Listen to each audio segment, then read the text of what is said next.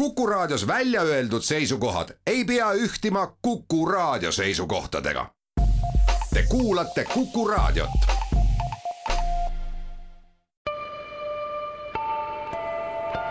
ilmaparandaja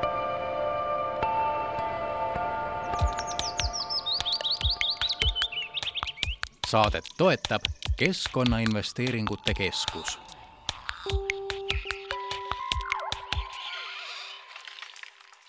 tere, head Kuku raadio kuulajad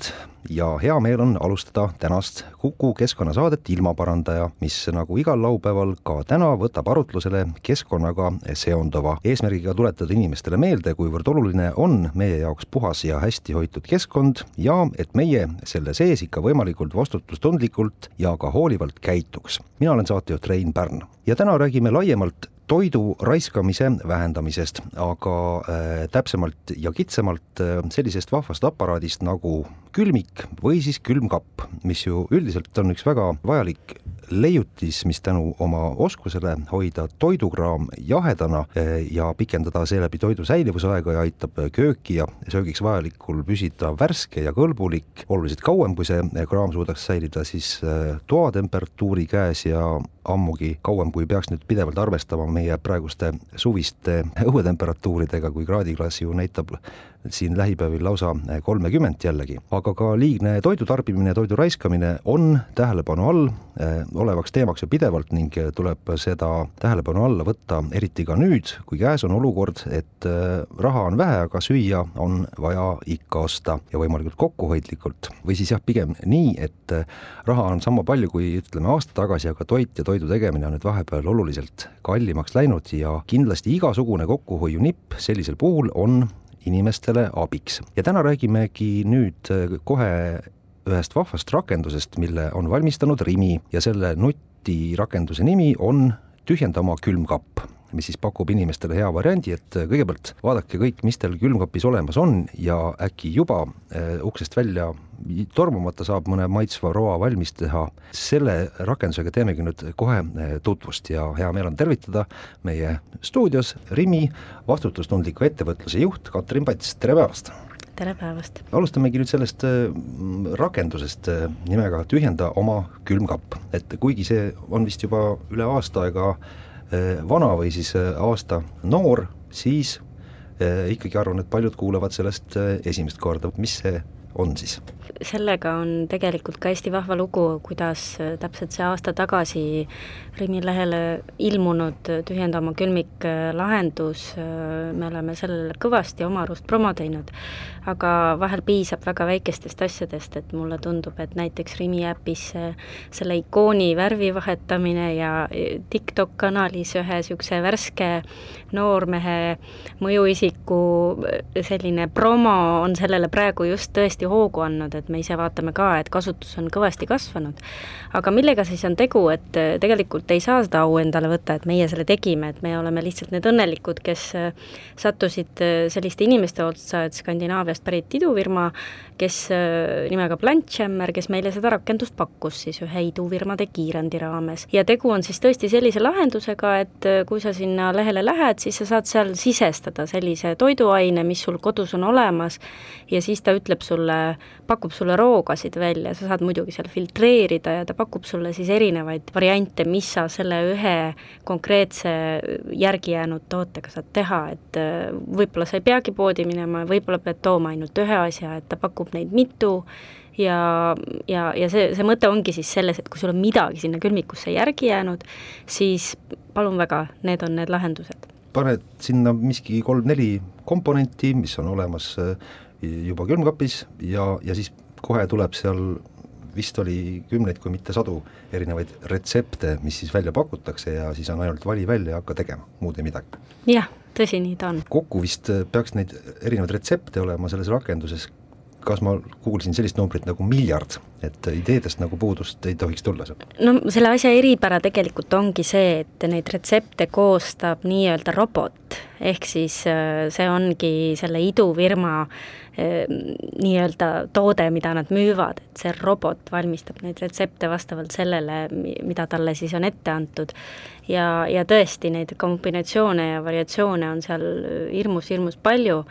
ja me seda kogu aeg jälgime ka, et milliseid retsepte siis kõige rohkem võetakse, milliseid tooteid sinna kõige rohkem sisestatakse, me teeme sellest järeldusi ja äh, siis omakorda need äh, arendajad saavad sellest teha järeldusi ja sinna võib-olla midagi lisada, mingisuguseid filtreid juurde mõelda, et see on selline noh, nagu öeldud sai, aasta aega vana meie jaoks ja me olime Eestis, või nende jaoks üldse esimene turg, kus nad seda lansseerisid, nii et selles mõttes ma arvan, neile on ka see endale väga põnev. mis siin uudset mulle tundub, on see, et kas pigem ikkagi inimese mõistus toidu tegemisel toimib niipidi, et kõigepealt minnakse poodi ja hakatakse vaatama, mis seal letil on ja siis alles äh, jõutakse äh, oma, oma koju äh, külmkapi juurde, et kuigi võiks, võiks vist olla vastupidi, oleks igati mõistlik jaa, noh tegelikult mulle meenub siin kohe see selline müügikõne, millega nad meile seda esitlesid. Ja seal oli täpselt see, et et me kõik ju mõtleme nii, et tahaks täna midagi teistmoodi, tahaks midagi muud moodi, me, me teame, eks ole, mingid asjad, mingi pasta, mingisugune äh, hakklihakaste, mida me tavaliselt teeme. ja, ja kuidagi see müügikõne algaski nii, et teeks täna midagi erilist ja siis sa lähed guugeldama ja, ja siis lõpetad ikka sellega, et ikka sa teed sellesama pasta või ikka sa teed selle hakklihakastme et eh, nüüd ongi nagu see seos nende toodetega, mida sul seal konkreetselt kapist võtta on ja ta pakub sulle tõesti erinevaid variante. Ja, ja üks nendest filtritest on ka näiteks, et midagi lihtsat, kuidas teha midagi lihtsalt, kiirelt, eh, loomulikult erinevad gluteeni talumatutele sobivad ja, ja veganitele, eh, mis tundub, et muide on väga populaarne veganite hulgas, sellepärast et vegantoite otsitakse väga palju, kõige rohkem ja ka see, see võimalus, et äh, ongi tegelikult paljudel kodus need asjad olemas, äh, aga kohe kõht on tühi ka ja tahaks midagi kiiresti, eks ole, hakata tegema ja, ja sellisel hetkel äh, kui inimesel on kõht tühi, siis teadupoolest ju see mõistus enam nii hästi ei tööta. nii et siis minnakse ka võib-olla sellist kiiremat, lihtsamat vastupanu teed, et ja, ja sellised retseptid, nagu seal tulevad esile, et, et noh, need kohe kindlasti ei, pähe ei turgata sellisel, sellisel hetkel, et, et väga abiks. ma arvan, et kõige unikaalsem siin ongi see, et need kombinatsioonid sulle alati leitakse, et kui sa sinna paned oma arust võimatuid äh, selliseid äh, kokkusobimatuid äh, aineid, siis ta ikka sulle mingisuguse lahenduse pakub, et see on selle kõige suurem eelis, et et sest tegelikult me ju kõik teame, et guugeldades leiab miljoneid retsepte, aga, aga see on lihtsalt väga, väga tihedalt seotud just nende konkreetsete ainetega. jah, just ol-, olgem ausad, et ega see kodus kokkamine ja, ja teha meister koka tasemel toitu ei ole olnud kunagi nii lihtne, kui see nüüd tänapäeval on, et internetis neid erinevaid retseptipakkujaid ja toidublogisid äh, ja, ja ka jah, mitte küll täpselt sellist rakendust, äh, aga mi-, noh, erinevaid toiduga seotud rakendusi on ju, on ju ikkagi hulganisti, aga näed, äh, kas ka eesti keeles? Muidugi on iseküsimus, kuid mi-, mida ma tahtsin sellega kõigega küsida, et, et kas nüüd kas nüüd toidukohtadele ja restoranidele selline jutt kohe kindlasti ei meeldi, et kogage kodus ja, ja tehke, tehke omal kodus äh, süüa, kuigi teema, et äh, tühjenda oma külmkapp ja vaata, mis sul külmkapis on, see peaks äh, toidukohti ja restorane puudutama täpselt samamoodi kui tavalisi inimesi. Nojah, muidugi, loomulikult. Ja ma arvan, et tegelikult tänasel päeval ei olegi ühtegi äri, kes ei mõtleks selliselt, et ta tahabki maksimumi sellest ära kasutada, mida ta saab ja restoranidel on muidugi võib-olla natuke piiratum see, et neil on menüü ees, mida nad peavad ju noh, kliendil on teatud ootus, kui ta seda menüülehte vaatab, et endal kodus on ju selle võrra lihtsam, et äh, ilmselt äh, on ka pere natuke paindlikum ja on nõus äh, ühel või teisel päeval midagi erinevat sööma, nii et et kindlasti kodus kokkamine on järjest rohkem au sees, ja, ja se-, sellele annab see tühjenda oma külmikrakendus kindlasti nagu hoogu juurde. aga keegi ei keela aga toidukohtadel mm, teha noh, sellist äh, käigu pealt midagi, midagi põnevat, täpselt sedasama rakendust ju kasutades, et kui on valida, kas visata see kõik äh, ära, sellepärast et äh, täna menüüs seda ei pakuta, homme on juba liiga hilja. või siis peakoka mingisugune eri kemüüse või, või pada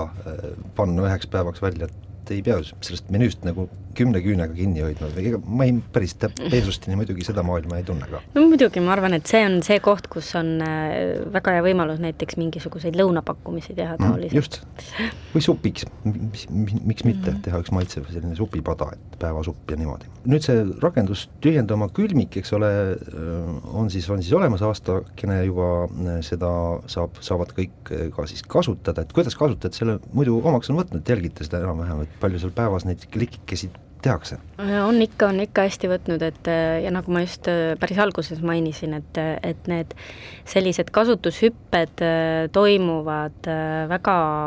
väga nagu ootamatutel põhjustel, aga neid on ikka tuhandes, neid tuhandeid ühes kuus, kes seda kasutavad ja seda me loomulikult jälgime ja võrdleme ka, kuna me oleme ju üle Baltikumi toimiv kett, siis jälgime ka, kuidas meie lõunanaabrid seda kasutavad, nii et Eesti on seal väga heas kirjas, tundub, et Eesti inimestele sellised digilahendused väga sobivad, nii et see on kindlasti, kindlasti nagu väga hea täiendus.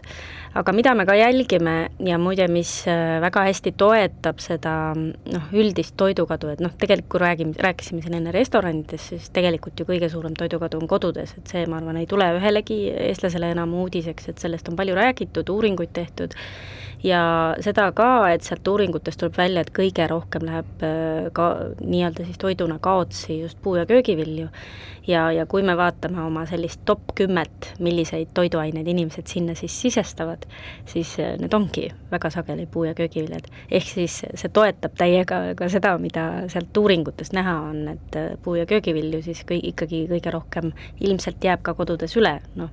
mis, mis, mida ka uuring ütleb, eks. ja mis siis see rakendus huvitav välja pakub, et võta aga blender välja ja tee smuutiks, et see, see kõlbab ikka no ma arvan, et seal on väga erinevaid toite, et mida me ka näeme, me samamoodi jälgime, seal saab ju valida ka eraldi maailmatoite, et sellised Aafrika toidud, Mehhiko toidud, nagu ma juba mainisin, vegantoidud on väga populaarsed, et, et ta on hästi-hästi lai ja hästi palju erinevaid variante seal kindlasti on pakkuda. Ja, ja näeme ka näiteks minu meelest viimases analüüsis tuli välja, et üks teatav selline Aafrika roog oli hoopis kõige populaarsem, et eestlased on ikkagi saamas täiega sellisteks maailma inimesteks, et et proovitakse erinevate köökide niisuguseid roogasid, mis, mis on minu meelest väga tore. muidugi on see tore, et proovitakse erinevaid maitseid ja, ja elamusi, et rikastada oma sellist toit, toidukultuuri ka, eks ole, natuke laiemaks, aga aga jällegi see kindlasti toob kaasa seda, et noh, nagu ma siin kat-, katsetasin ka seda rakendust, et kõik läks hästi ja siis oligi ühte komponenti tarvis, mida mul lihtsalt ei olnud, India pähklid, oli vaja neid seal röstima hakata ja, ja möllama nendega, et ma küll jätsin selle vahele, ma ei tormanud ei poodi ega mul ei olnud India pähklid ka, aga toit sai ikkagi tehtud, et, et noh, eks see vabadus on ju tore. Ma küsin siis nõnda, et minu meelest on seal ka selline filter, kus ta ütleb, et sa saad asendada neid näiteks. jah, oli küll, ma seda ei proovinud. uh, -huh. et selles mõttes ta teeb jälle selle asja natukene kergemaks inimesele, et ta saab siis panna sinna asenda ja need, võib-olla tal on midagi muud, mis sobib ka sinna retsepti, nii et seda tasub ka kindlasti proovida. aga ikkagi rakendus töötab lihtsalt eeldusel loomulikult, et inimesel on omal kodus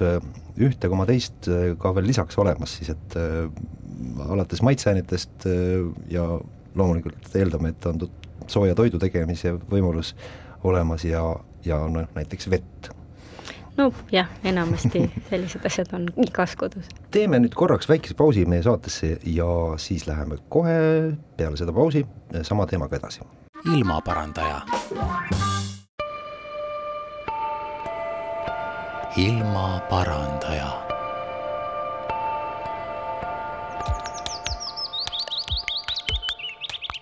Saadet toetab Keskkonnainvesteeringute Keskus.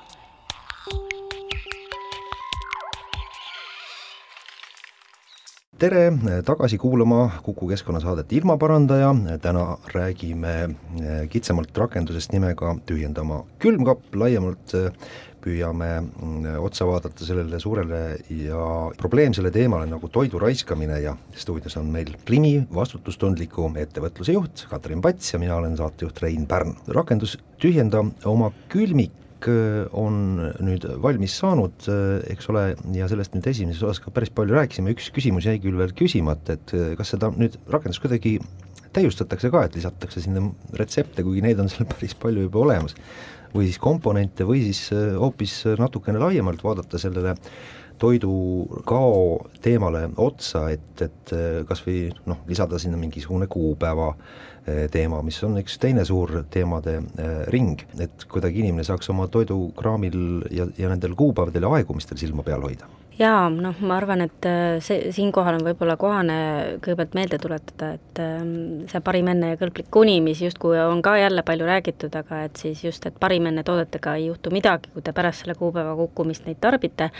küll aga ei ole mõistlik seda teha kõlblik kuni toodetega, ehk siis nende värsketega. igal juhul muidugi me vaatame kogu aeg ja nagu ma mainisin, siis nii-öelda rakendusloojad on väga avatud erinevatele pakkumistele, et me otsime pidevalt näiteks erinevate kiirendite kaudu erinevaid selliseid lahendusi, mida, mida saaks veel äh, katsetada, et äh, noh, näiteks me siin tänasel päeval just katsetame Tartus ühte teist hoopis lahendust, mis pärineb Luksemburgist, mille nimi on Food for all ja, ja see konkreetselt promob aeguma hakkavaid tooteid, ehk siis neid tooteid, mida me oleme harjunud seal poest otsima, millel on see hinnasilt allahindlusega küljes, mis on viimase kuupäevaga, nii et, et, et selliseid erinevaid lahendusi, nii nagu see tühjendav külmik, me pidevalt otsime ja selge see, et nende huvi on ju olla meie partneriks pikemalt ja nad on valmis kogu aeg seda arendama ja, ja see kuupäevade lisamine on kindlasti üks selline vahva mõte. Millega me oleme hakkama saanud, mis minu hinnangul on täiesti revolutsiooniline, on see, et me oleme sellele lähenenud, meie selline arendustiim on lähenenud sellele nagu väga konkreetselt ja süsteemselt, et hakanud sinna otsima, kuidas neid tooteid saaks paremini märgistada, et kuidas leida see õige protsent, mis on õige protsent sellele just, et see saaks täna müüdud, kui ta hakkab aeguma. ja, ja selle teeb te, meil ka täna ära robot. Et, et kui sa poes vaatad, et sul on järel noh, võtame kümme pakki võid, ühte konkreetset sorti, ja siis robot ütleb sulle, et täna kuupäev kukub, sul on laojääk selline ja ilm, tavaliselt sa müüd nii palju, ehk siis ta ütleb sulle, et mõistlik on see või teine protsent, et sealt leiab ka seitsmekümne protsendise allahindlusega tooteid. ja nüüd, mida siis see, kuidas see Food for All äpp seda nüüd siis täiendab, on see, et ta äh, põhimõtteliselt teeb neile reklaami, nagu iga teine kliendileht teeb nendele tavalistele toodetele reklaami, mida me näeme telekast või kuuleme raadiost, et mingitel on soodushinnad, siis täna me oleme jõudnud sinna, et me investeerime rakendusse, mis promob meile noh, ütleme siis nii, et sellise vana aja mõtlemise järgi peaaegu aeguvaid, ehk siis mitte nii väärtuslikke tooteid, et vot see, ma arvan, on selle asja kõige unikaalsem pool. aga saab ka tarbija kusagilt kodulehelt või, või kuidagi mitte poodi sisenemata sellele infole ligi, et täna on noh, selles, selles rimis on see, selle protsendiga soodustus jaa, see ongi siis telefonis olev äpp ja kõik tartlased, ma kutsun üles teid seda järgi proovima. Ja selles äpis ongi siis iga päev kell kaksteist seda infot uuendatakse, et seal on näiteks see, et taskurimis on täna need ja need tooted soodsamad, nii et äh, see ongi selline online'is töötav süsteem. veel kord, äh, tulles selle kõlblik uni ja, ja parim enne teema juurde tagasi, siis äh, noh, inimesel kodus võib-olla on veidikene lihtsam, et noh, ikkagi silm ja, ja nina on see, mille järgi peaks hindama nüüd, et kas selle kuupäevaga see kätte jõudnud märgistatud kuupäevaga toode nüüd tuleb ära ikkagi visata või tegelikult annaks sellest teha midagi veel head, noh, ma ei tea, eriti kui me räägime siin mingisugusest vaakumpakendis olevatest äh, toodetest, eks ole, millel, mis ei ole veel avatud, aga jäänud kuidagi kuskile sinna taha, mõne suure purgi taha ei ole märganud seda, et, äh, et siis noh, neil ei ole, eks ole, kohustust seda vist kohe ära visata, aga kaubanduskettidel on asi natukene karmim, et kui kui ei saa müüdud, ega siis ei olegi midagi teha ja prügikasti see läheb jaa, noh, me siin oleme endale väga ambitsioonikad eesmärgid seadnud ja, ja me väga selgelt jälgime, iga kuu mõõdame, et äh, võib-olla ei ole ka tähele pannud kliendid, aga tegelikult on tänaseks juba, ma arvan, no ikka selle aasta algusest kuskil on igas poes, Rimi poes peaks olema kuskil selline silt väljas, mis ütleb, kui palju see pood on annetanud eelmisel kuul. Hmm.. ehk siis eh, me proovime oma po-, poode ka nagu motiveerida selles osas, nad ju ei taha, et see number seal kuidagi kahaneks, et see on üks hästi suur osa, kuidas me saame seda toidukadu vähendada, et et eh, võib-olla jälle tavainimene ei tea, et tegelikult nagu kõige suurem efekt on ikkagi selles hästi täpses tellimises. ja see, selleks on ka täna miljoneid maksvaid tellimissüsteemid, on, ma arvan, täna igaühel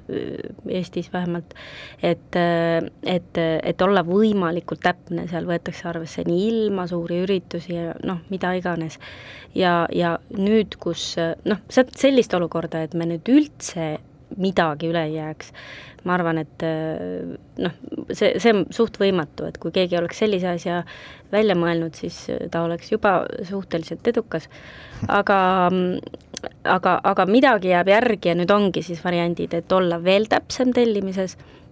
ja teine variant on see, et kui ikkagi midagi järgi jääb, et siis kuidas nüüd, nagu ma rääkisin, just müüa ta selle allahindluskleebisega alla eh, maha. Ja, ja sealt edasi järgmine samm on siis ikkagi väga hea koostöö Toidupangaga või mõne muu abiorganisatsiooniga, meil on lihtsalt ajalooliselt eh, nii juhtunud, et me oleme Toidupanga suurim annetatud toiduallikas ja näiteks eh, just vaatasin analüütikat, et eelmine aasta me annetasime kuuskümmend kaheksa protsenti oma oma nii-öelda maha kantud toidust, ehk siis eh, me oleme selles väga tublid, jälle taaskord, kui meile meeldib ennast võrrelda lätlaste ja leedukatega, et eh, noh, neil on ikka pikad penikoorma sammud veel samale maale jõuda, nii et, et see, see on miski, millega me tegeleme, seda saab veel parandada, meil on väga häid näiteid, kus on poode, kes annetavad praktiliselt üheksakümmend protsenti ära, nii et selles mõttes me iga päev õpime siin ise ka. Seda on hea kuulda jah, et kaubandusketid pingutavad selle nimel ja ja arvutavad, püüavad nagu enam-vähem aimata, et millised need kogused siis on, mis, mis võivad ära siis kuluda ja sama ju, aga sama ju võiksid teha tegelikult inimesed kodudes. Aga kuigi minule kohe ei turgata ühtegi sellist äppi või sellist eh, noh, meetodit, ma ei tea, päris Exceli tabelis vist keegi ei viitsi hakata neid toksima ja seal mingisuguseid graafikuid tegema, aga või on mõni selline rakendus, kuidas peredega ise saaks oma selliseid koguseid prognoosida? no ma arvan, et tegelikult millest võiks alutada, alustada üks äh, pere, on see, et ta prognoosib äh, oma nii-öelda need õhtusöögid ette, et ta teeb enne poodi minekut endale selle kava, mida, mida ta sööma hakkab, et seda ma sageli ütlen, et äh, naljakas on see, et, et ettevõtted ju väga jälgivad, eks ole, kui palju läheb raisku, see on väga suured summad ja kodudes justkui ei vaadata eks ole, et noh, keegi mulle ütles väga toredalt, et kodus ei ole ju finantsjuhti, kes koputaks ja ütleks, et kuule, et me raiskasime liiga palju, me justkui, see on justkui, et kodus on see justkui nagu loomulik, et me viskame ära. millegipärast ju on, ja numbrid seda näitavad uuringutes, aga ettevõttes meie jaoks on see nagu väga reaalne Exceli real olev kulu, mille vähendamise nimel me näeme väga palju vaeva. nii et noh, planeerimine, planeerimine, planeerimine on üks selline kõige lihtsam märksõna ja, ja võib-olla kui sa räägid siin, et kodudes kuhugi panna ei saa, siis mis praegu ju Eestis tõstab pead, on need kogukonnakülmikud, mida ka ma olen väga mitmega rääkinud, need on ju tegelikult väga toredad algatused, et mis näitab ka minu meelest sellist äh, et kui on vabatahtlikud kogukonna inimesed, kes teevad sellist tööd, et nad tegelevad, panevad mingi kapi püsti, see, see nõuab väga palju selliseid teadmisi, lisateadmisi, enda nii-öelda harimist, kõik see hügieeninõuded ja nii edasi, et äh, see on minu meelest märk sellest, et Eesti hakkab jõudma sellisesse väga äh, heasse, huvitavasse faasi, kus me mõtleme mitte ainult enda peale. Jaa, kahjuks neid toidujagamiskapikesi on veel väga vähe aga vaikselt tasapisi nad siia tekivad ja, ja igale poole, kuhu nad tekivad, on nad ikka väga hea meelega ja rõõmuga vastu võetud, nii et loodame, et neid tuleb siia järjest ju, juurde. jah, see oli üks, üks nagu teema, mille me põgusalt ka läbi käisime, aga kui tulla nüüd selle karmi hinnatõusu juurde, millest on meil siin noh, ka ikka või tegelikult vist, vist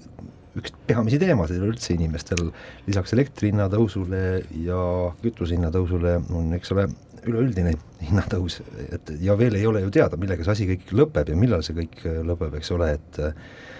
et lihtne küsimus selline, et miks me sellisesse olukorda oleme jõudnud? noh,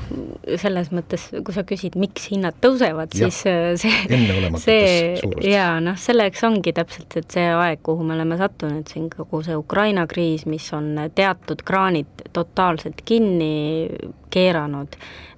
mis omakorda siis mõjutavad noh, nii seda kütuse kui ka elektri hinna tõusu. ja kui mingi selline sisend, mida kõik tootjad kasutavad ja tuletan meelde, et ka kaubandusettevõtted ju kasutavad, ega siis meil on samamoodi vaja elektriarveid maksta ja, ja ka kütusega ju veame laiali seda toitu, ehk siis kõikide osapoolte jaoks on mingid sisendhinnad tõusnud. Ja täna me oleme tõesti olukorras, kus ähm, noh, ma olen väga palju pidanud vastama vastama küsimustele, miks üks või teine hind on tõusnud. Ja täna ma kuulen lihtsalt meie ostuosakonnast, et järjest kogu aeg pidevalt, et praegu veel ei paista, et hankijatelt hinnatõusud peatuksid, et sealt tuleb kogu aeg neid juurde. varem nad tulid, võib-olla ma ei ole päris õige inimene rääkima, aga mul on selline tunne, et, et varem nad tulid kuidagi natukene süsteemsemalt, võib-olla paar korda aastas või sõltuvalt, eks ole, puu- ja köögivilja puhul hooajast ja nii edasi, siis täna on ta selline pidev voog hinnatõuse. ja, ja see on miski, millega me muidugi tegeleme, me vaatame nendesse, et kui keegi väidab, et tema jaoks on tooraine tõusnud, siis me ise ka uurime, kas see tõesti ikkagi vastab tõele. ja, ja me proovime seda nii palju läbi rääkida kui võimalik, et ega me lõppkokkuvõttes ei saa ka tootjat panna ju sellisesse olukorda, et tema peab ju ka tootma, et tema jaoks on see ka majanduslikult, peab olema mõistlik. aga puhul, kui me ühelt tankijalt ei saa head pakkumist, mis võiks olla taskukohane kliendile, siis me otsime järgmist, et lõpuks peab mõtlema sellele, et see hind, millega see toode seal riiulis on, see kaup, Äh, kui, kui kliendi jaoks on see üle tema võimete, siis ta jätab selle ostmata ja siis see enam seal kaua ei ole selles sortimendis, et noh, et, et see on kõikide osapoolte jaoks väga oluline leida see konsensus. ja kui sa küsid, et millal see nüüd lõpeb, siis äh, ma arvan, et see on selline suur küsimus, et millal lõpeb äh, Venemaa ja Ukraina sõda. selle hinnatõusu juures, kuidas tarbija siis püüab hakkama saada või kohandada selles olukorras, mis te olete märganud, et kas siis noh, nii ilmselt ei saa, et üldse jäetakse ostmata, et kas siis ostetakse vähem või ikkagi käiaksegi neid soodushindasid seal nokkimas niimoodi õhtusel ajal või, või jah, et olete märganud, noh näiteks ostetakse pigem selliseid pikaajalisemaid tooteid seal, kuivaineid ja konserve ja nii, niimoodi? noh, mida me kindlasti näeme, on see, et tõesti otsitakse odavamaid alternatiive. et see üks selline ehe näide, mida me saame ju mõõta, on omamärgi tooted, eks ole, et need on reeglina sama hea kvaliteediga kui bränditooted, aga nad on lihtsalt hinnalt odavamad tänu sellele, et me ei pea neid ülemäära palju turundama ja äh, kui nende toodete müük kasvab, siis see on selge signaal, et inimene on otsustanud võib-olla oma meeli-, eelistatuma bränditoote vahetada selle oma märgitoote vastu. ja noh, ka erinevaid, loomulikult nii nagu igas jaeketis on meil ka mingisugune grupp tooteid, millele me oleme, mille hinda me hoiame lihtsalt äh, kliendi jaoks, et kui sa oled hinnatundlik, sul oleks see valik olemas, et et ja, ja neid me näeme, et järjest rohkem eelistatakse kolmas on kampaaniatundlikkus, eks ole, et kui me mingit kampaaniat teeme, siis me siis me protsentuaalselt mõõdame, et kui palju üldse ostetud toodete hulgast on kampaanias, kas see tundlikkus kasvab, ehk siis need on märgid sellest, et inimesed on seda tähele pannud, et hinnad on tõusnud. tulles nüüd noh, selle keskkonnavaldkonna ja, ja toidu ja kaubanduse valdkonna eh, seostele jällegi lähemale, siis eh, lõpetuseks võib-olla hoopis selline küsimus, et et noh, siin see rohepöörde hoog oli vahepeal päris suur, nüüd küll äh, inimesed ajavad seda hinnatõusu ka natukene sellise, selle rohepöörde kaela ja enam rohepööre nii populaarne teema ei ole, aga aga pikas plaanis siiski äh, on ainult aja küsimus, millal see uuesti tuleb, kas toidukaubanduse vallas ka midagi on plaanis või juba toimunud, millest äh, võib-olla kõva häälega ei ole juttu olnud? jaa, äh, see on äh, tore, et sa seda mainid ja mina ei ütleks küll, et see rohepööre on kuhugi peatunud või seisma jäänud, et ja, ja eelkõige võib-olla lihtsalt jah, tõesti räägime sellest vähem, aga tegelikult me peame aru andma, et, et see on tõsine probleem ja, ja selles mõttes ei ole mitte kunagi varem ju tulnud Euroopa Liidust selliseid direktiive, mis, mis täna meie lauale järjest jõuavad. see puudutab nii pakendeid kui ka tervislikku toitumast, toitumas, toitumist, et on olemas ju erinevad sellised, ma ei teagi, kuidas neid nimetada, projektid talust taldrikule Euroopa Liidust, mis räägibki siin võib-olla ka keskkonnavaenulikematele suuremast maksustamisest võib-olla, eks ole, mis võib meid ühel hetkel oodata, näiteks pakendite teemal täna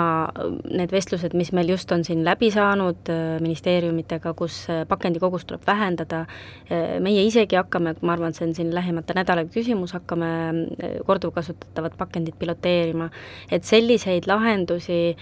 noh, ma ei tea, ma võib-olla kõlan üleolevana, aga ütlen lihtsalt, et eh, tuleb hakata harjuma. Et ega meil ei ole siin valikut, et äh, ühel hetkel äh, tuleb see kohustusena, et pigem on mõistlik hakata ennast ise selle mõttega harjutama, et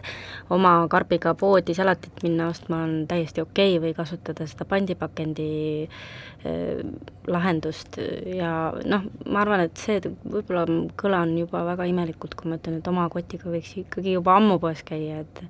et see on ikka kurjast juba, kui sa pead kogu aeg uue koti ostma, mis läheb pärast seda kohe prügisse. aga teema, põnev teema, lai, aga igat nurka ja kivialust me selles teemas ei jõua täna kahjuks läbi käia, ma väga tänan äh, Katrin Pats, Rimi äh, vastutustundliku ettevõtluse juht, meile täna stuudiosse tulemast ja toidu säästmisest ja päästmisest äh, kõnelemast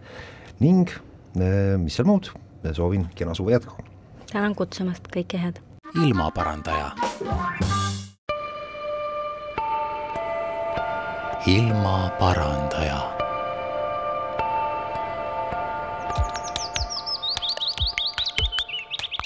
saadet toetab Keskkonnainvesteeringute Keskus.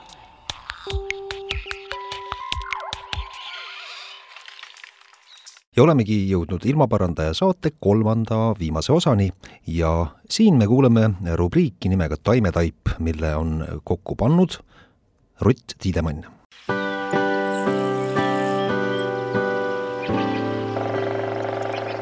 Taimetaip taimetaip. tere, kallid Kuku kuulajad! täna räägime taimedest, kes pakuvad maitsmislusti sööjatele ja, ja rõõmu kokkadele ehk neist tänuväärsetest tegelastest, kellest annab põnevaid roogasid valmistada. ja mul on tõesti hea meel sellest rääkida ühe Eesti parima asjatundja, restoran Vika peakoka Angeelika Udekülliga. tere päevast! tere, tere minu poolt ka! Angeelika, millal teie hakkasite taimedega teadlikumalt tegelema ja millest see alguse sai teie jaoks? Ohoo, no ma arvan, et, et kõigepealt peab vist äh, vaatama tagasi korra lapsepõlve ja, ja kui aus olla, et, et siis tundub, et mina olen sellest generatsioonist äh, pärit veel, et, et kus liiga palju ja rikkalikult äh, poelettidelt meelepäraseid roogi võtta ei olnud ja see tähendas seda, et, et enamus majapidamistes kasvatati ise midagi. suve lõpp oli alati üks korilusega tegelemine, üks noppimine, korjamine, marineerimine, keetmine, aurutamine, et eks see kõik ikka sai ju taimedega tehtud. Ja eks sealt ikkagi ma arvan, et, et on see väike pisik nagu sees juba lapsepõlvest. Et te olete üks selline õnnelik, keda see pigem nagu innustas ja jäi nagu rõõmuga südamesse, mitte see tohutu tüütus, korjamine ja, ja rohimine ja kõik see taimedega tegelemine, mis paljud on võib-olla eemale peletanud hoopis sellest aiatööst ja korilusest no ma arvan niimoodi, et, et ma luiskaks ja ei oleks iseenda suhtes aus, kui ma ütleks, et mulle kogu aeg on meeletult meeldinud, võib-olla, et, et üledoos ikkagi mingil hetkel oli. aga eh, nii nagu need vanad head asjad ikka, et kipuvad eh, ringiga tagasi tulema, et, et siis mulle tundub, et, et nüüd ma olen nagu need lapsepõlvetraumad kõik ära unustanud enda jaoks ja, ja pigem on eh, täna nagu olukord see, et, et kus ma väga hea meelega leiutan, avastan ja katsetan ise kõikvõimalike taimede ja, ja köögi köögiviljade ja aiasaadustega võib niimoodi siis öelda. metsasaadustega muidugi. kui te õppisite kokaks, kas see oli kohe selline mõte, et ma tahaksin taimedele rohkem tähelepanu pöörata ja, ja nendega rohkem tegeleda või see kuidagi ajaga kasvas teiega koos, see soov? Mm, ma arvan, et pigem äh, siis, kui ma kokaks õppisin, äh, ei olnud see kindlasti minu eesmärk number üks, et, et äh, selline taimedesse võib-olla süvenetult mõtlemine või, või sellest, et kuidas on võimalik nii-öelda loodus kaasata rohkem taldrikusse tekkis ikkagi kuskil kakskümmend aastat tagasi. Ja võib küll öelda nii, et, et eks see on seoses äh, ka selle olukorraga, et, et kus ühel hetkel noh, kõik need sellised ettekirjutatud retseptid ei olnud enam teemaks, et kui äh, nõukogude ajal näiteks, kes mäletab, et, et oli nii, et, et restoranis pakutav oli kõik ikkagi sellisesse korralikku piiblisse kokku kirjutatud, et mis millega kokku sobis üldse või kuidas äh, üht või teist rooga valmistada, et siis väga palju fantaasiale ruumi ei jäetud, noh muidugi kodumajapidamises olid teised reeglid, aga, aga need, kes kokaks õppisid, et nende puhul pigem oli ikkagi kahjuks nii, et nad pidid rangeid reegleid jälgima. Et ehk siis see selline loomingulises ja, ja katsetamine restoraniköögis sai ikkagi toimuda alles mõni aeg peale seda, kui Eesti oli iseseisvunud kas te mäletate ka, millised olid need esimesed äh, mõtet muutvad avastused või sellised õnnestumised, et, et suutsite mõne tõrksa taime nii-öelda lahti muukida ja siis temast midagi imelist valmistada ja siis see maitse, et on teil mõni selline hetk meelde jäänud või mõni selline tore avastus? mm,? Neid avastusi on iga päev aga just need esimesed, kas need ei ole eriti magusalt meeles? Vot ei oskagi öelda, nad kuidagi ähmastuvad mm. ilmselt, et kogu selle muu virvarri keskele, aga võib-olla pigem on mul hästi meeles see, et, et kui kui ma inspireeritult ühest äh, õppereisist Rootsi äh, hakkasin enda jaoks ka rohkem avastama kõikvõimalikke nii-öelda neid mitte tavapäraseid söögitaimi ehk siis äh, umbrohtu, mis kevadel pistis pea peenrast välja või metsa all jalutades võrsete korjamisest saadud inspiratsioon, mida sai pärast potti panna ja siirupisse keeta. et kõik sellised nagu nii-öelda mittesöödavate taimede toitu integreerimine on pigem olnud need sellised vau-efektid. näiteks nõges on üks nendest, et äh, mis tegelikkuses annab väga palju erinevaid äh, variatsioone toidu valmistamisel, aga ka igasuguseid selliseid äh, natukene võib-olla noh, veel mõni aasta mitte liiga palju kasutuses olevaid juurvilju, näiteks nagu pastinak või mustjuur või nuikapsas või et need on kõik pakkunud palju rõõmu ja avastamist no ma mäletan aastaid tagasi, kui esimesed äh, uljad kokad hakkasid Eestis roogasid kressiõiekese või rukkilillega kaunistama mm, -hmm. siis oli see ikka -hmm. võõristav, lilled jäid taldrikul söömata ja vaadati kuidagi niimoodi pika pilguga seda. kuidas praegu seis on, kas eestlased on julgemad ja avatumad toidunautijad? Ja ma absoluutselt jagan seda äh, mõtet, et, et veel no võib öelda, et mõned aastad tagasi oli see, et, et kui sa panid lille taldrikusse, siis sa pidid juurde rääkima, et, et kas see komponent siin taldrikus on söödav. aga aeg muutub, inimesed muutuvad ja, ja, ja mulle tundub, et pigem on ka Eesti tarbija muutunud väga palju äh, seiklushimulisemaks ka maitsete mõttes et juletakse proovida, vaadatakse natuke kastist välja ja noh, just nimelt need kõikvõimalikud söödavad lilled ja kui sinna veel juurde rääkida, et miks need kõik head sulle on, et vot siis see annab hoopiski lisaväärtust kõigele sellele, mis taldrikule on kokku komponeeritud varsti võiks menüü ka olla nagu väikest viisi selline retseptiraamat, et seal on juures ka, mille vastu aitab see ja see toidukomponent või noh, selles mõttes haiguse mõttes, et mida parandab, mida mhm. leevendab mm. -hmm mm. -hmm. no täna ei tohi muidugi sellist informatsiooni sinna eh, menüüsse niimoodi eh, oma enesetarkusega lihtsalt lisada, et, et kui see ei ole tõestuspõhiselt eh, kuskil juba fikseeritud, et jah, vastab tõele, et, et üks või teine taim on täpselt selleks hea, aga sellist lugu rääkida saab ja, ja ma arvan, et selline teadlik toitumine ja funktsionaalne toitumine on pigem uus trend ja, ja sinnapoole me liigume kui palju võib laias laastus olla neid erinevaid taimi, keda teie igapäevaselt oma nõiaköögis kasutate? kõige paremas mõttes ütlesin praegu nõiaköök teie tipprestorani oh, kohta oh,. Oh. ma ei ole neid kunagi kokku loendanud, aga neid on tõesti palju ja need ju hooaja kaupa väga palju muutuvad ja, ja tõsi ta on, et ega me ikkagi pidevalt otsime uusi selliseid põnevaid, põnevaid tooraineid, et mida võib-olla, et, et päris igas restorani menüüs ei pakuta, et et see ongi ju see, mida restorani tullakse, tullakse otsima, et, et mõnevõrra maitseelamusi ja uusi avastusi kas ka teie isiklikud eelistused taimede osas ikkagi muutuvad ajaga või on teatud tegelased, kes on äh, teile nii-öelda südamelähedased kogu aeg ja siis te lihtsalt otsite uusi tutvusi sinna juurde? ja võib vist öelda küll, et äh, sellised baasmaitsed on pigem niisugused, mis on püsivad ja ei kao liiga kiiresti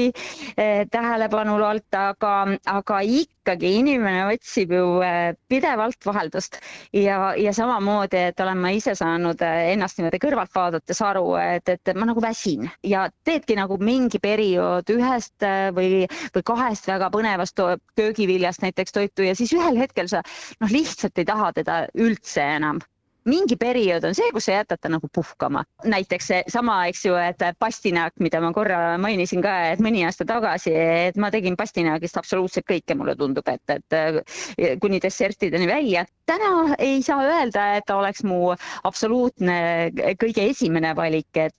tema asemele on tulnud uued tegelased. ja vahel ka sellised vanad, unustatud pisut võib-olla, et, et köögiviljad või ürdid on näiteks täna mulle väga meeldib porgandiga mängida aga sellised kõige põnevamad tegelased praegu teie köögis, kes on esikohal? tahaks öelda, et, et oleme pilgu hoopis pööranud äh, mere poole ja täna pakuvad mulle kindlasti väga palju pinget hoopiski vetikad. et äh, võib küll öelda, et, et see selline mereliste maitsete maailm on äh, eestlaste jaoks ikkagi väga palju veel avastamata kuidas nad teile pinget pakuvad, et kas te kasvatate neid ise kusagil või käite otsimas mööda randa, jalutate, purk on kaasas ja äh. kuidas see käib? jah, no nii päris ei käi muidugi jah, et, et, et need vetikad, et mida toiduks tarvitada, et need peavad olema ikkagi kontrollitud kasvukohtadest toodud ja, ja meil on lihtsalt väga head koostööpartnerid, et kes teevad selle nii-öelda korjetöö meie eest ära aga mis on nagu ütleme veel selliseid asju, et kui nüüd mere jätta kõrvale, et, et noh, siis see lillede teema on muidugi suvisel perioodil kindlasti väga aktuaalne. Ja, ja täna olen ma võib-olla, et sellisest saialillest ja no mis ma siin veel toon kõrvale, kurgiõitest ja rukkilillest oluliselt rohkem vaimustunud näiteks fuksiast või päevaliiliast või, või isegi floksimaitse või no rääkimata nendest sellistest ägedatest õitest õitsevatest äh, põõsastest. siinkohal võib-olla leeder on äh, üks nendest esimestest, mis tuleb kohe pähe, et, et need on täna minu sellised suured lemmikud. Floksid on söödavad? absoluutselt. esimest korda elus kuulen. Pole kunagi maitsnud? ei oh-oo, vot siis praegu on täpselt õige hooaeg väga tore, aga vetikad, mida vetikatest teha annab, kuidas te kasutate neid? eks tegelikult äh, pole ju saladus, et me kõik oleme vetikat ühel või teisel kujul ilmselt äh, saanud proovida ja, ja eks ta on ikkagi selline tore toidulisand, et mis äh, sisaldab endas päris rohkelt mineraale ja ühtlasi on suurepärane seedimise korrashoidja. nii et vetikatest annab päris palju e-, erinevaid selliseid põnevaid kastmeid pestosi valmistada, võib-olla natukene isegi aasialikku maitsenüanssi toitule juurde tuua, aga minu enda suur lemmik on tegelikult äh, Eesti vetes kasvav võisadru, mida annab ka väga põnevalt äh, marineerida, kuivatada igasugustele sellistele kalaroogadele või ka taimetoitudele lisandiks pakkuda. Ma saan aru, et restoranis peab toit olema kontrollitud, aga nüüd sellest põisadrust rääkides, kui ma jalutangi rannas ja leian sellise toreda põisadru tüki, kas ma võin ta koju viia, kuivatada ja hakata otsast närima ja ongi hästi või? et pigem nagu ei soovitaks seda teha et jällegi, nagu ma ütlesin, et, et siis äh, iga söödava taime puhul tasub ikkagi mõelda, et kas ta on kontrollitud keskkonnast äh, pärit ja et, et kas ta on just korjatud äh, selles küpsusastmes, millal ta on kõige parem, et noh, teatavasti, eks ju, et tooreid marju ei ole ka soovitatav päriselt põõsa pealt hakata kohe Äh, suhu pistma, et nii on selle põhiseadruga ka, et, et seal on äh, üks teatud selline kasvuperiood, et millal seda nopitakse ja see toimub kõik tuukrite poolt ja talvisel perioodil. Aga mida mere äärest võib ja tõesti, aga mida mere äärest võib-olla, et, et võiks äh, tõesti vaadata, on erinevad sellised toredad maitsetaimed, et äh, sellist sinepimaitset äh, andev meriliiv, selline ürt on olemas näiteks ja, ja mida võib-olla veel, et, et mis on küll kantud ka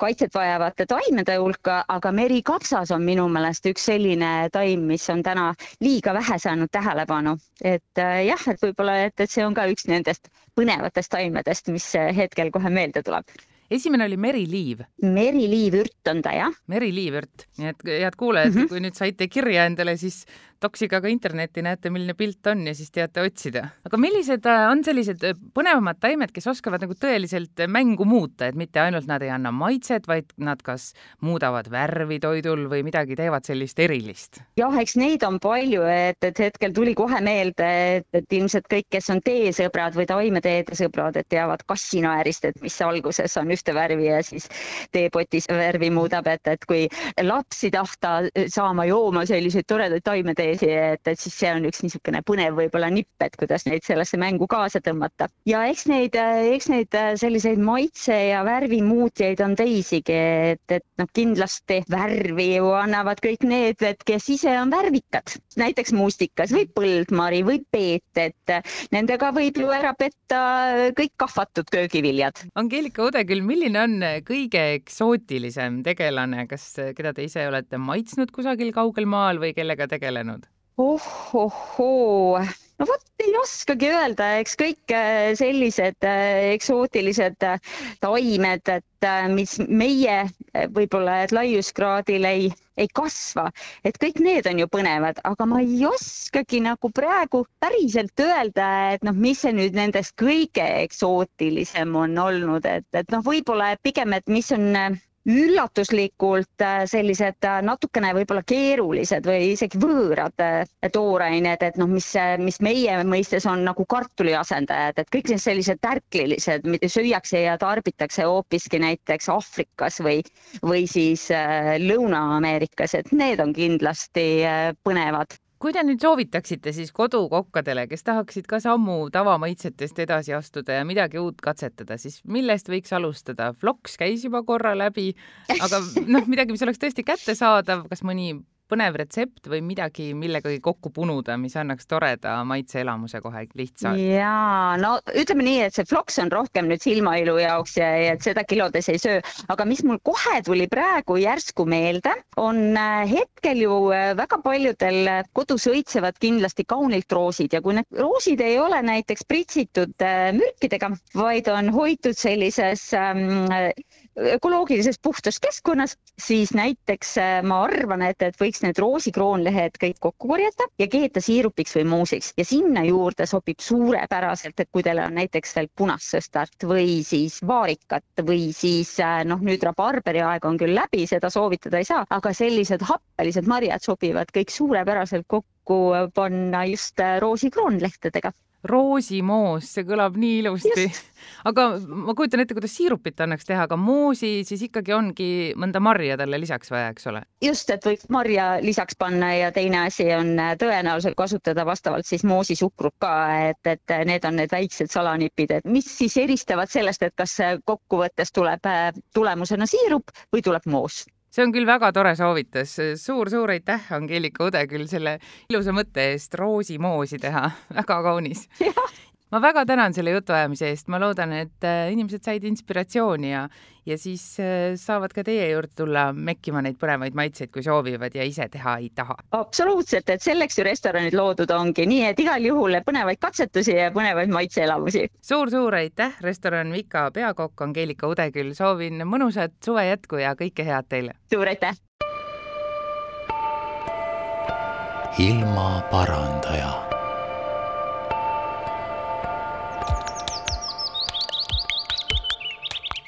saadet toetab Keskkonnainvesteeringute Keskus